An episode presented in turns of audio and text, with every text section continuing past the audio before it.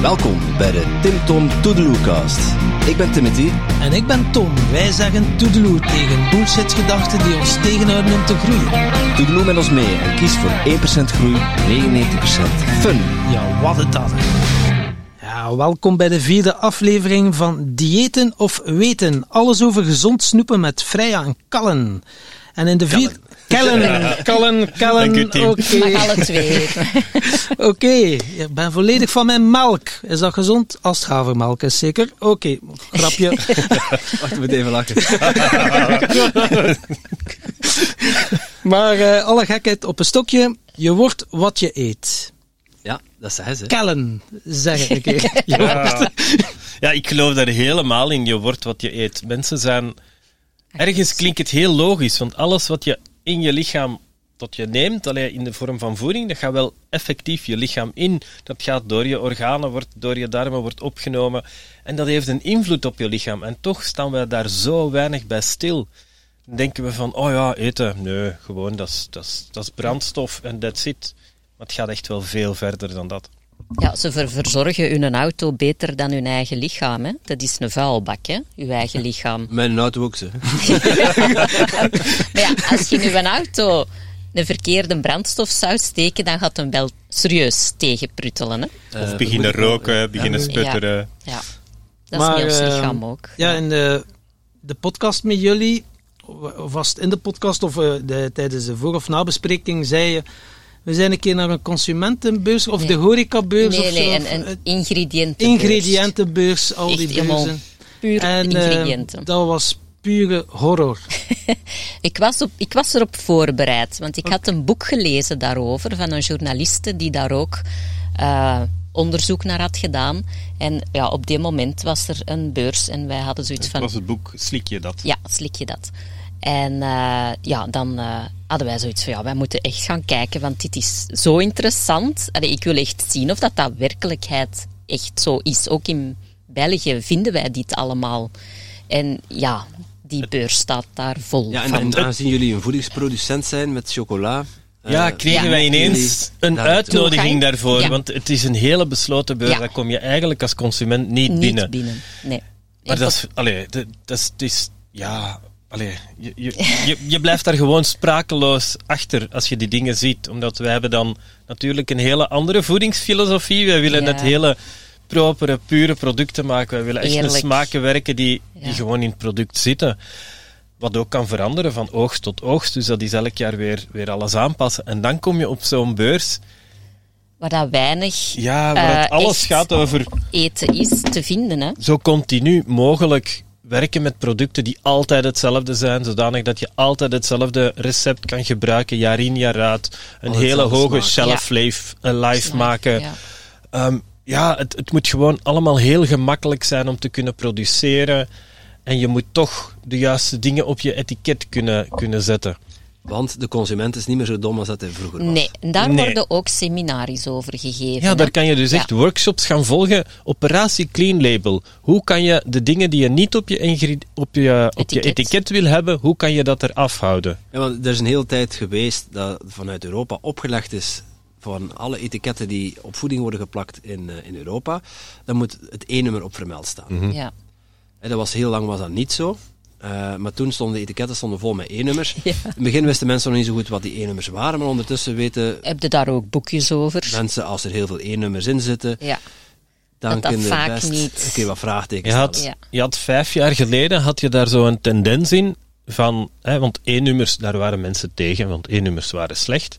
En dan heb je een tendens gekregen binnen, binnen de voedingsindustrie van we gaan die E-nummers wegkrijgen en we gaan die vooral vervangen door heel natuurlijk klinkende namen. Hè, zoals je hebt bijvoorbeeld MSG, dat is een smaakversterker tot en met, heel, ja, wordt heel veel, Omstreden. heel omstreden, wordt vaak in vraag gesteld. Wel, dan gaan we die noemen rozemarijn-extract of gistextract. het klinkt, klinkt- al iets helemaal anders. Het heeft nooit geen rozemarijn ingezeten, maar dat doet er niet toe. Ja. Het wordt wel zo gebruikt. Wij bijvoorbeeld, we werkten dan met, met honing. Dus wij gingen natuurlijk de vraag stellen van kijk, we hebben dit product, wij zoeken honing. Een hele bio-honing, liefst lokaal geteeld, alleen met alle toeters en bellen erbij. Dan vroegen ze ons, en waarom zou je dat willen? Uh, ja, omdat wij een natuurlijk product willen en dat is waar wij achter staan. Maar dat werkt helemaal niet goed als je wilt volumes gaan produceren en zo verder. Je bent veel beter met uh, honingpoeder, want dat is altijd stabiel. Dat is constant van smaak, van, van, van, uh, van Ja. consistentie. In je receptuur kan je daar heel gemakkelijk mee werken. Of hadden wij zoiets van, en wat geeft dat dan qua smaak en qua, qua beleving?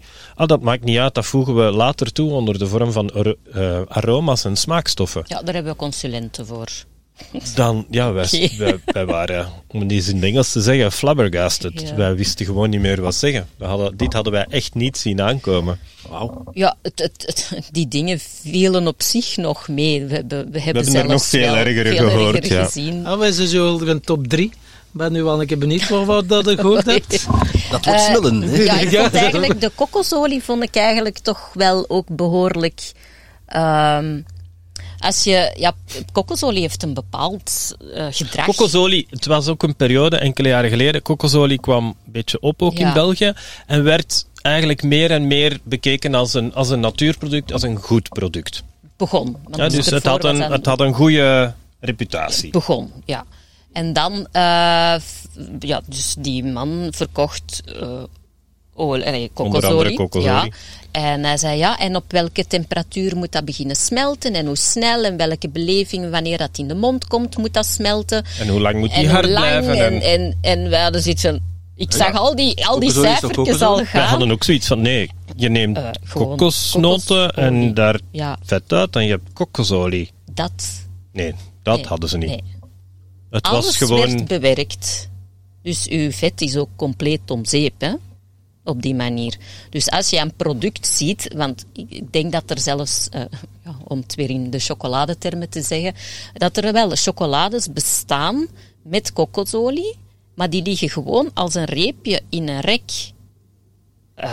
Het kan niet, Dat want kan dat niet. smelt op 22 graden. Ja, Ja, mijn pot kokosolie, we hebben een best wel warme zomer gehad. ja die is... Dat was eh, Is dat vloeibaar? Ja, Eh, niet, niet, niet gestoord, Ja, nee, maar, maar- geschift.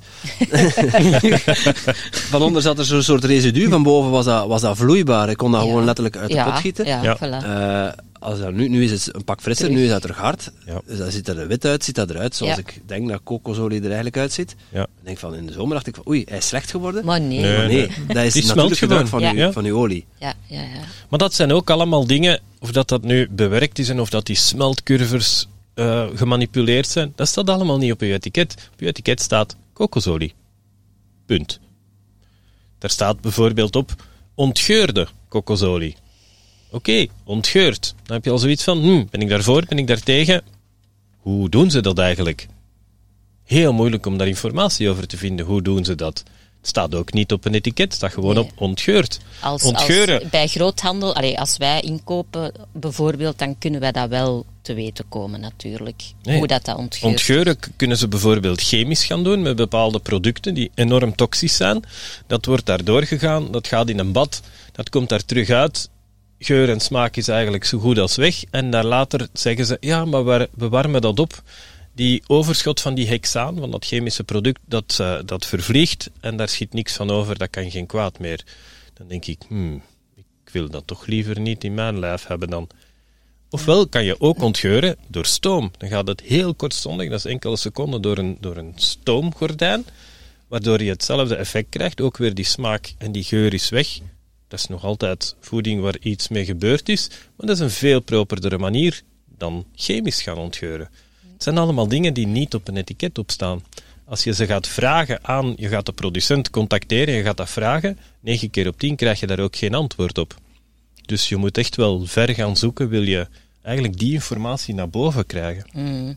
Dat was, dat was één. We hadden Ja. er nog twee. Wat zijn nog dingen die wij als consument niet mogen weten? Ja, eerder dat ik gezegd, dat gaan we niet zien. Wel, Ah, ik, ja, ik heb ja, er nog één. ja, ik dat- heb er nog dat- één. Dat Ja. willen we juist, Ja, dat dat willen we weten. ja. Ik heb er nog één met, met eh, ik, ik kijk juist naar Tom en dan denk ik hè, aan, aan uw verslaving ook vroeger, denk ik whisky. Ja. We stonden op een stand en die vroegen, ah, hè, wat drinkt u graag? Eh, whisky, cognac, hè, zegt gin. Zeg, ja, hè, een whisky. Oké, en welke whisky drinkt u graag? Malt, single malt, blended? Ah, ah ja, die. Ah, met turf of zonder turf? Uh, hoe oud, hoe lang gerijpt? Gerijpt op sherryvaten of, of eikenvaten? Of, ah, het was een hele vragenlijst die hij deed. En elke keer pakte hij er een flesje bij met een aroma en hij gooit alles bij elkaar, een beetje alcohol daarbij, hij roerde even en zegt, proef maar. Ik heb dan even over mijn uh, verontwaardiging en fobie gegaan. Ik heb daarvan geproefd en ik had zoiets van, oké, eigenlijk, dit proeft echt wel goed. Dit is echt wel, proeft als een degelijke whisky. Dan vroeg ik ook van, ja, als je nu dit hier kan maken op, op twee minuten tijd, wat is dan het verschil met die andere whisky die effectief 20 jaar op vaten heeft gelegen en waar toch wel een hele hoop vakmanschap in zit? Hij zegt hij, dat zal je morgen weten aan uw koppijn. Oké. Aan uw koppijn? Aan uw koppijn, aan hoofdpijn, aan uw kater de dag erna. Dus ja, waar zit het verschil? Waarschijnlijk wordt er de één fles wordt verkocht aan, aan, ik zeg nu maar aan 15 euro, de ander zal 50, 60 euro kosten. Is prijs alles bepalend of alles zeggen? Ik denk het niet, want even goed zullen die goedkope dingen ook duur verkocht worden. Want als het duur is, zal het wel goed zijn, denkt de consument ook vaak. Ook niet altijd waar, maar het is gewoon zo moeilijk om de juiste dus informatie boven te halen. Ik ben overgeschakeld op Whiskas, daar had je geen Whiskas. ja, daarom? Je zou daar toch een etiketje van lezen ook. Dus die moeten nog geen ingrediëntenlijst bij zitten. Maar ja, dat was al ja, spannend, hè? Ja, uh, maar uh, nu weten we dat. Die mogen weten. Ja. Nee, nee, maar er is wel ene, en ik vind die, die is ook heel uh, belangrijk voor mensen, omdat we juist met gezonde en natuurlijke voeding bezig zijn.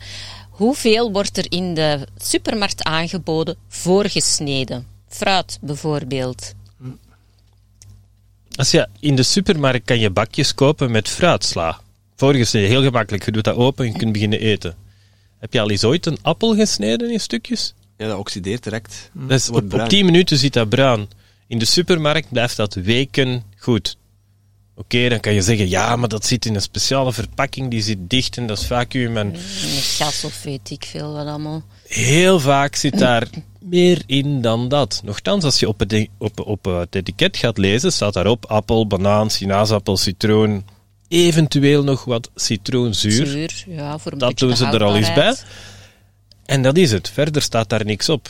Totdat je verder gaat, dan, dan hoor je van, ah, maar dat fruit gaat heel vaak door een bad. Het is een beetje te vergelijken met een siliconenbad, want elk stukje fruit wordt volledig vacuüm afgesloten van de lucht, waardoor het niet kan gaan oxideren. Waardoor het niet bruin gaat worden. Met gevolg, als je dat gaat eten, eet je Eigenlijk eet je dat wel allemaal mee op, die, die, dat, af, dat afdichtingsmiddel. Waarom staat het er niet op op de ingrediëntenlijst? Het is geen ingrediënt. Het hoort bij de verpakking.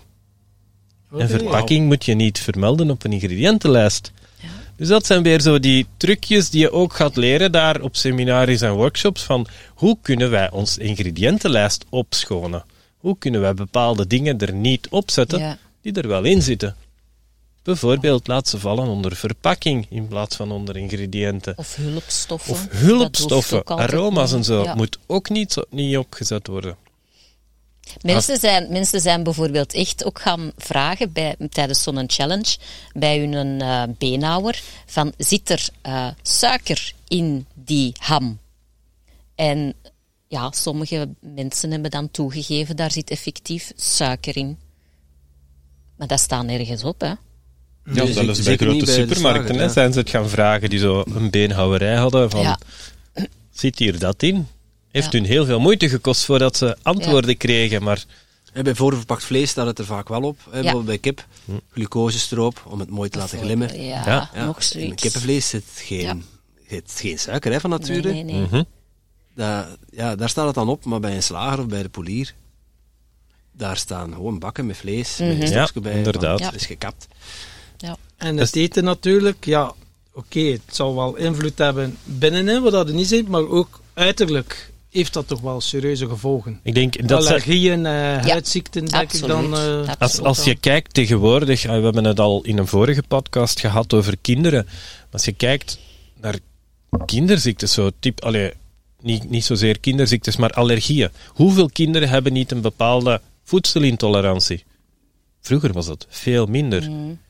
Als je kijkt naar volwassenen, is eigenlijk het, hetzelfde.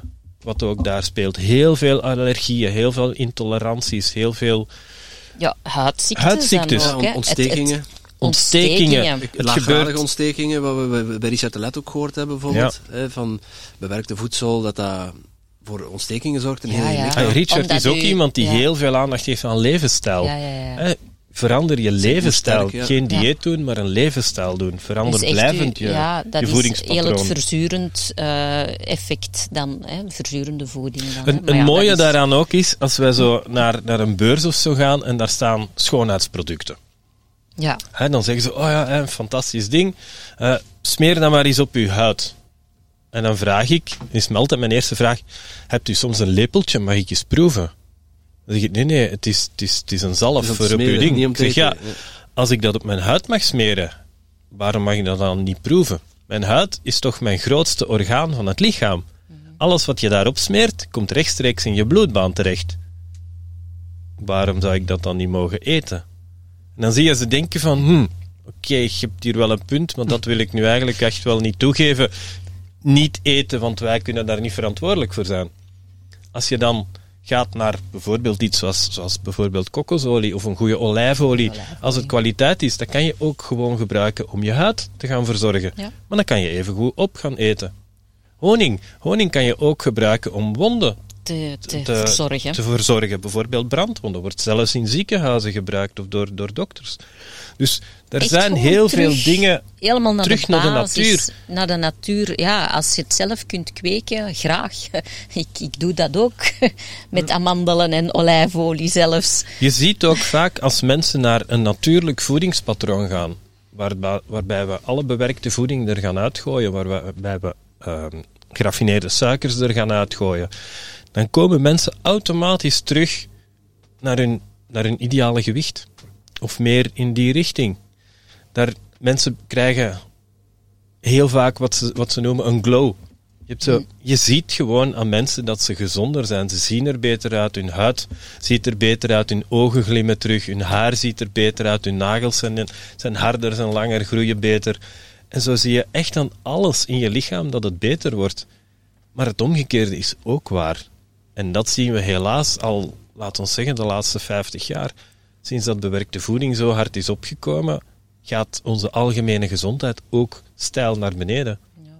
Ja, ja we, we zeggen het regelmatig. Hè. De voedingsindustrie maakt u ziek en de farmaceutische industrie Ja. Ja, Hou houd u ziek. ziek. Ja, zo simpel is dan ook. Ja. weer, eh. Ja. een verdienmodel natuurlijk. Ja, ja, ja. Hey, Wat, we, wat we mee kunnen starten is eigenlijk al eens beginnen met eh, onze suikerinname afbouwen. Absoluut. Te veel. En het zit echt in bijna alles wat je in de supermarkt koopt, zit suiker in. Maar dat is dan ook handig, hè? Als het niet is, als het geen natuur, Ja. natuurlijke producten Maar zijn. dat heeft ook zijn voordelen. 80% van de supermarkt kan je gewoon overslaan. Hm. Uw winkelen is veel sneller gedaan.